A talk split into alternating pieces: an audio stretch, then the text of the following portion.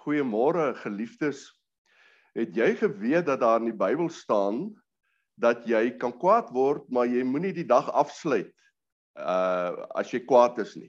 So jy moet eers die dinge oplos. Kom ons lees Efesiërs 4 vers 26. Daar staan as jy kwaad word, moenie sondig nie en moenie 'n dag kwaad afsluit nie. Nou uh kwaad is nie noodwendig 'n slegte ding nie. Ons almal word kwaad. En uh dis eintlik ook 'n manier uh, jy weet 'n manier waarop die Here ons geskaap het dat ons kan kwaad word. So dis soos ek sê nie noodwendig sleg nie. Uh dis deel eintlik van ons menswees dat as jy in 'n moeilike situasie kom, jy moet besluit wat jy moet doen. En uh, hulle noem dit altyd veg of vlug. Met ander woorde, jy moet of weghardloop of jy moet sê, "Maar nou hier staan ek, ek gaan nou maar my man staan." en so aan. Dis 'n natuurlike ding. In kwaad word is in die proses ook 'n manier om met ander mense te praat. Met ander woorde om 'n bietjie grense te trek en te sê maar wag so bietjie tot hier toe en nie verder nie, dit irriteer my nou en so aan. En daarom moet ons ook as gelowiges sensitief wees vir mekaar. Om as ons sien die ou begin 'n uh, bietjie moeilik raak, dan weet ons maar hy wil vir ons sê maar wag so bietjie, ek is nie gemaklik nie. So kwaad het dis hierdie funksie van kommunikeer om vir ons te help om mekaar beter te lees en te verstaan. Maar kwaad word dit ook nogal te doen met 'n mens se persoonlikheid. Jy weet party ouens jy kan 'n bom onder hom sit en hy sal nie kwaad word nie. En ander ouens se lont is weer so kort dat uh, die bom ontplof omtrent dadelik as jy net vir hom kyk. En dit het nogal te doen met persoonlikhede. Die Here het ons definitief nie almal dieselfde gemaak nie. So verskillende mense, selfs in jou eie gesin, verskil. En as ons nou, jy weet byvoorbeeld daar na die uh Mediterrane gebied toe gaan na die uh mense wat daar in die son bly, die Italianers, en jy hou hulle dop, dan druk hulle hulle self so vurig uit dat jy dink hulle twee gaan mekaar nou slaan, dan is dit altyd 'n liefdesverklaring, jy weet, omdat hulle so emosioneel is en in baie keer kan jy mense so verkeerd lees, want party mense is driftig. Jy weet hulle druk hulle self sterk uit en jy kan dink, "Joe, die ou is vreeslik kwaai op die oomblik," terwyl hy eintlik maar normaal is. So ons moet ook mense lees want mense verskil. En ehm um, jy weet afgesien daarvan dat mense verskil, verskil situasies ook. Uh ek het nou hierdie week gesit saam met my vrou daar by 'n restaurant en toe kom maar 'n vrou in maar sy is baie kwaad. Ek het nie presies gehoor waaroor dit gaan nie, maar ek het afgelei dit gaan oor 'n tafel wat nie reg is wat sy bespreek het nie en so aan. In sy het geskree en. Ek het gedink, "Jo, wat 'n vrou." En toe sien ek dat die twee persone wat saam met haar is, al twee, die een is al heel wat jy weet ouerig en hy kan nie meer loop nie en uh uh jy weet hy hy moet deur twee mense gehelp word. En toe sit ek by myself en dink daai persoon wat nou daar so te kere gaan het waarskynlik as jy na daai situasie toe gaan die hele week na daai persone gekyk, hulle opgepas, is gefrustreerd. Jy weet moet heeltyd werk en so aan. In hierdie was haar uitstappie om nou uit te gaan en bietjie buite te kom en toe sy nou in 'n situasie kom Toe sit soos 'n bottel Coke wat jy skud en jy daal die prop af. Sy kon nie by die huis die prop afhaal nie, maar daar haal sy die prop af. So situasies verskil en ons weet almal hier in COVID uh uh as 'n mens geïrriteerd raak, dan is jy sommer ook omgekrap met jou familie soms sonder rede. Sommer vinnig, jy weet, voel jy jy wil van hierdie frustrasie ontslaa raak. En dis ook kwaad word of uh, dit is ook 'n manier om van jou emosie ontslaa te raak so kwaad word dit verskillende funksies en uh kom in verskillende situasies op verskillende maniere na vore. En ons as gelowiges moet baie mooi kyk hoe ons die situasie hanteer want dit is so dat die Bybel sê tog in Jakobus 1 vers 20 laat ek hom net gou hier kry sê 'n um, 'n mens wat kwaad doen doen nie reg voor God nie. So hy sê tog 'n mens moenie jou kwaad word vrye teels gee nie.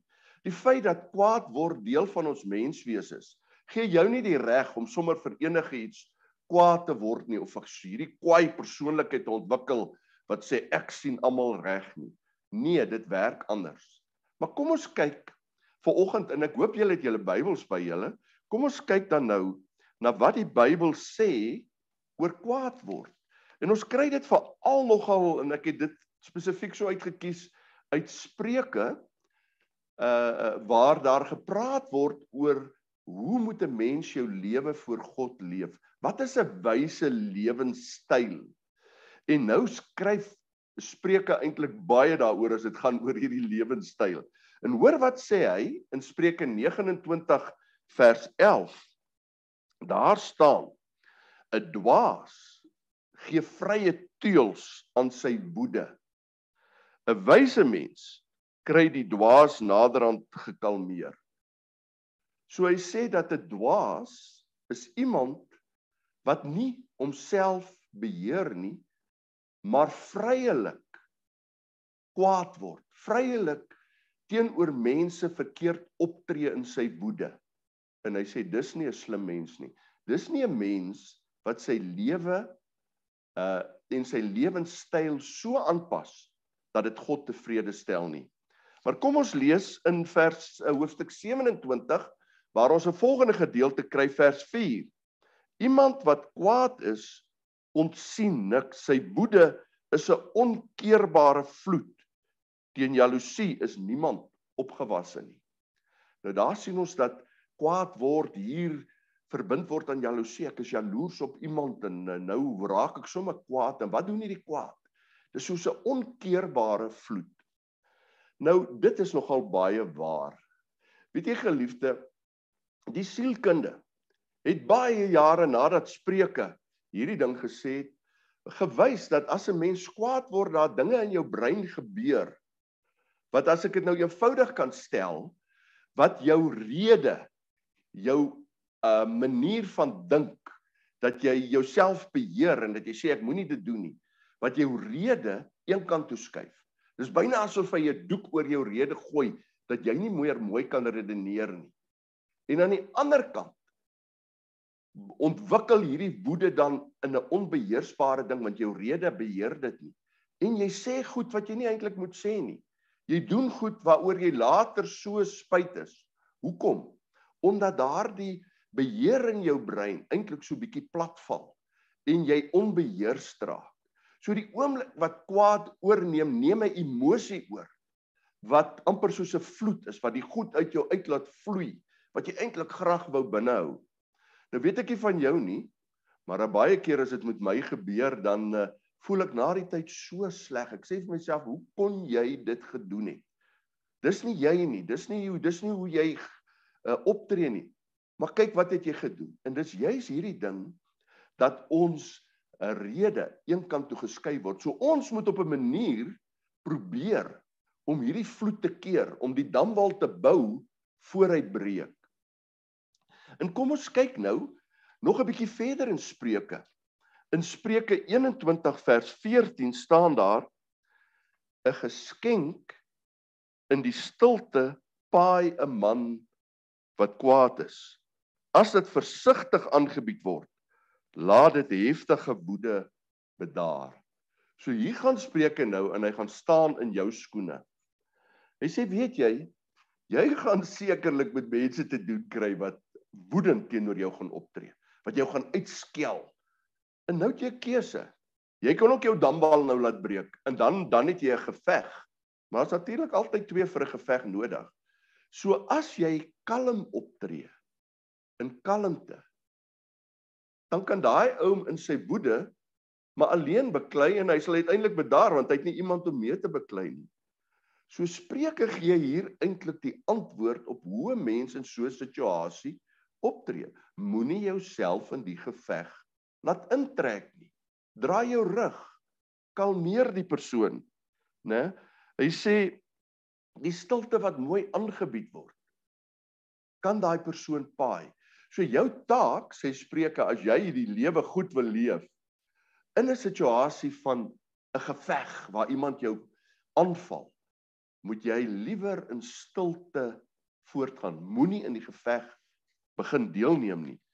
En dan gaan hy verder in hoofstuk 1 vers 1 of uh, ag ekskuus hoofstuk 15 vers 1. dan sê hy 'n sagte antwoord laat die woede bedaar. Maar hoor, 'n krenkende antwoord laat die woede ontvlam. So hier kry ons die tipiese patroon. Jy is die een wat kies wat jy wil doen. Wil jy veg of wil jy liewer die situasie kalmeer? In geliefdes, dit is nou maar sekerlik waar. Veral in 'n huishouding, jy weet waar jy al twee gespanne is. In uh, die een se lont ontplof. In die ander een het nou die keuse, gaan ek hierdie geveg veg en ons is dan nou 'n week kwaad vir mekaar en dan stilstype in die huis en die kinders weet nie wat aangaan nie? Of gaan ek liewer nou maar stil bly tot daai persoon se damwal genees en sy rede, sy redelikheid weer na vore tree. Dis jou keuse. Nou om hierdie paar verse af te sluit wat ons nou oor uh, woede gelees het, hierdie goeie raad. Kan ons kyk na Psalm 37 vers 8 staan daar: Moenie kwaad word nie. Laat staan die woede. Moet jou nie ontstel nie, want dit bring net elende. En ons kan nogal daarvan getuig, né? Los die kwaad, want dit bring ellende. Dit gee jou skuldige gewete. Dit maak jou skaam. Laat jy nie by die jy weet sê daai ou sien aankom en loop jy hier sommer in die winkel in en gaan kruip weg. Met ander woorde, dit verteer jou van die binnekant af. Jy maak ander mense seer. Dit bring ellende. Dit bring onmin. So, wat is die oplossing? Los die kwaad. Nou geliefdes, dis natuurlik baie makliker gesê as gedoen, hè. Los die kwaad. Maar dis nogal deel van ons emosie en ook soos ons aan die begin gesê het, deel van hoe ons gemaak is. Jy weet, ek kan maklik my gemeer verloor want dat dit is deel van my menswees. Die geheim is egter ek moet hierdie woede deur my redelikheid, deur my beheer van myself uh teegaan. En nou is die groot geheim wat in veral in die Nuwe Testament na vore kom is ons moenie moeilikheid soek nie. As jy nou gaan kyk na hoeveel keer daar in die Nuwe Testament sê jy moet die vrede bewaar. Die roeping van die Christen is om vrede te soek, om nie moeilikheid te soek nie, maar inteendeel om vredemakers te wees. Weet julle hoe mooi is dit daar in Johannes 14 vers 27 as ons nou daar lees dat Jesus as hy sy disippels groet voor hy weggaan dan sê hy vrede laat ek vir julle na. My vrede gee ek vir julle. Die vrede wat ek vir julle gee is nie die soort wat die wêreld gee nie. Hy sê met ander woorde, wat is die geskenk wat die Here vir gelowiges vir jou en vir my gegee het. Dis vrede. Om onder mekaar so te leef dat ons nie mekaar se koppe afbyt nie. Dat ons vir mekaar ruimte bied. En en nou sê hy sy vrede is nie die vrede van hierdie wêreld nie. Dit beteken nie dat ons nie oorlog maak en die soort van dinge, jy weet, soos die wêreld nie. Dis nie die vrede waarna hy verwys nie. Dis die vrede van die wêreld om te keer dat nasies mekaar takel. Maar die vrede waarvan hy praat is die vrede wat God bring. Daardie wete dat jy reg uh op uh, jy weet reg voor God staan. Dat God jou nie kwaadlik neem oor jou sonde nie, maar jy binne sy familie, binne sy vriendekring so kan leef dat jy sy vrede, sy liefde, sy genade kan uitleef. Dis die vrede dat jy 'n 'n vredemaker deur jou liefde en jou optrede en jou genade wat jy gee word. Dit lees ons baie baie mooi in Filippense eh, waar Paulus skryf Filippense 4 vers 6 skryf hy moet oor niks besorg wees nie maak maar maak al julle begeertes deur gebed en smeking met danksegging aan God bekend. En hoor nou wat sê hy? As jy met God praat, jy stort jou siel voor hom uit Jy vertel vir hom wat jou begeertes is, wat jou pla. Jy lê jouself in sy hande, dan sê hy vers 7: Die vrede van God wat alle verstand te bowe gaan, sal julle harte en julle gedagtes sal oor julle harte en gedagtes die wag hou in Christus Jesus. Met ander woorde 'n vrede wat jy nie kan verstaan nie, maar wat jy weet daar is, 'n gerusheid, 'n rus in God se hande. Dis waarna jy moet soek. En dis wat in jou die vrede gee om te keer dat jou damwal van woede bars. Die vrede wat weet ek moet vergewe omdat Christus vergewe het. Ek moet anders optree en lief hê omdat Christus liefhet. En die oomblik wat jy dit besef, dan neem jy beheer oor op grond van Christus se liefde en genade om om dit anders te stel, jy gee eintlik die beheer in God se hande oor. Sê Here, ek is in u hande. Lei u my. Nou geliefdes, ek het nou gesê dit dit jy moet die beheer oorneem.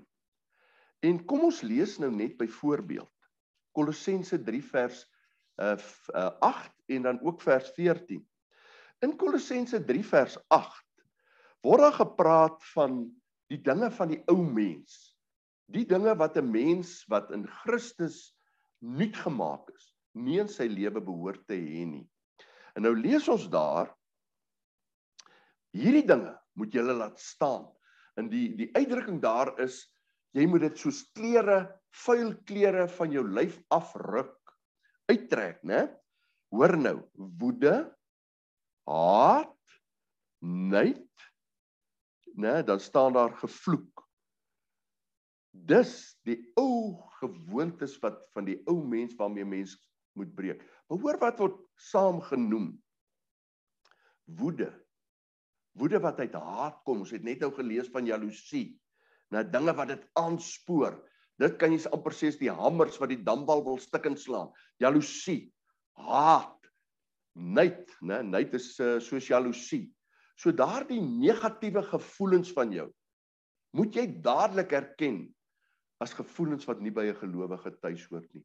Van daai gevoelens sê Kolossense hier moet jy ontslaa raak soos ou vuil klere.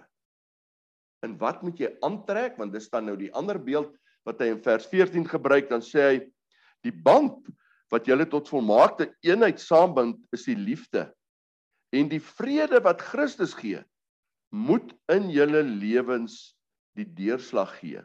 God het julle immers geroep om as lede van een liggaam in vrede met mekaar te leef. Hier sê die Here maar maar ons behoort aan een liggaam. Ons is mekaar se vriende. Ons ons moet mekaar lief hê. Uh God het ons vir mekaar gegee om jy sy familie te wees. So redeneer die Bybel oor jou. Jy's nie 'n enkeling wat daar eenkant staan wat maar swaar kry en heeltyd net van God se genade afhanklik is om net te oorleef nie. Nee, God se genade het jou ingetrek tussen ander mense. En as jou familie Christene is, dan moet jy daai Christendom daar wys. Mense by die werk, moet jy wys ons is die familie van God wat God geroep het om in vrede saam te leef. Dit lees ons baie plekke in die Bybel. Ek wil nog een plek noem wat baie uh, vir my baie interessant is en dis in Galasiërs 5 vers 20. Nou as jy hoor Galasiërs 5, sê jy dadelik weet, dis die gedeelte waar die Here sê daarvan vers 16 af, laat julle deur die Heilige Gees beheer. Met ander woorde, stel jou lewe oop vir die werking van die Heilige Gees. Laat die Heilige Gees jou pad vir jou aandui. En dan sê hy maar oppas, daar is ook die ou vleeslike mens wat wat jou moontlik kan mislei om die verkeerde dinge te doen. En dan sê hy in vers 20 Die praktyke, dit begin by vers 19, die praktyke van die sondige natuur is algemeen bekend en dan praat hy van losbandigheid en al die goed en dan kom hy en hy sê vyandskap haat, naaiwer, woede, rusies, verdeeldheid, skeuring, afguns. Hoor hoe pak hy hierdie goed wat ons damwal van ons hier meer laat breek so by mekaar en sê maar dit hoort nie by 'n Christen nie. Jy het die vermoë deur die Heilige Gees, deur jou wil, deur jou toewyding aan God om hierdie wal nie te laat breek nie. Jy moet betyds van hierdie goed ontslaa raak. Jakobus sê die sonde is soos 'n saadjie wat klein gesaai word. Hy word nie soos 'n groot boom in jou lewe geplant nie. 'n klein saadjie wat groei en dan groei jou hele lewe toe. Haal daai saadjie uit voor hy groei. Geliefdes, dit beteken jy moet oor jou lewe nadink. Daarom praat ons van jy moet gaan sit by die Bybel en bid en oor jou lewe nadink want jy moet hierdie goed haat, net, naaiwer, hierdie dinge wat jou lewe soos 'n kanker wil opvreet, moet jy vroegtydig identifiseer en uit jou lewe uithaal. Nou gesels ek gister nogal met iemand en sê maar weet jy, mans kry nogal baie keer swaar want jy's so trots, jy weet jy vererg jou vir 'n ou en jy het beklei maar jy sal nie hierdie saadjie uittrek nie. Hy sal daar bly broei. Hoekom? Want die trots skeer jou dat jy naby daai saadjie kom. Jy voel dit gaan 'n bietjie van my manlikheid of wat ook al wegneem en dit geld ook seker van sekere vrouens, wie weet.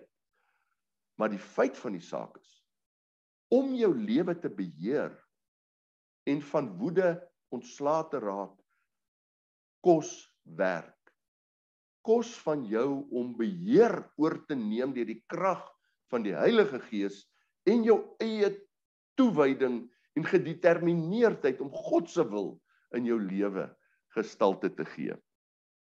Maar hoor nou wat sê hy verder.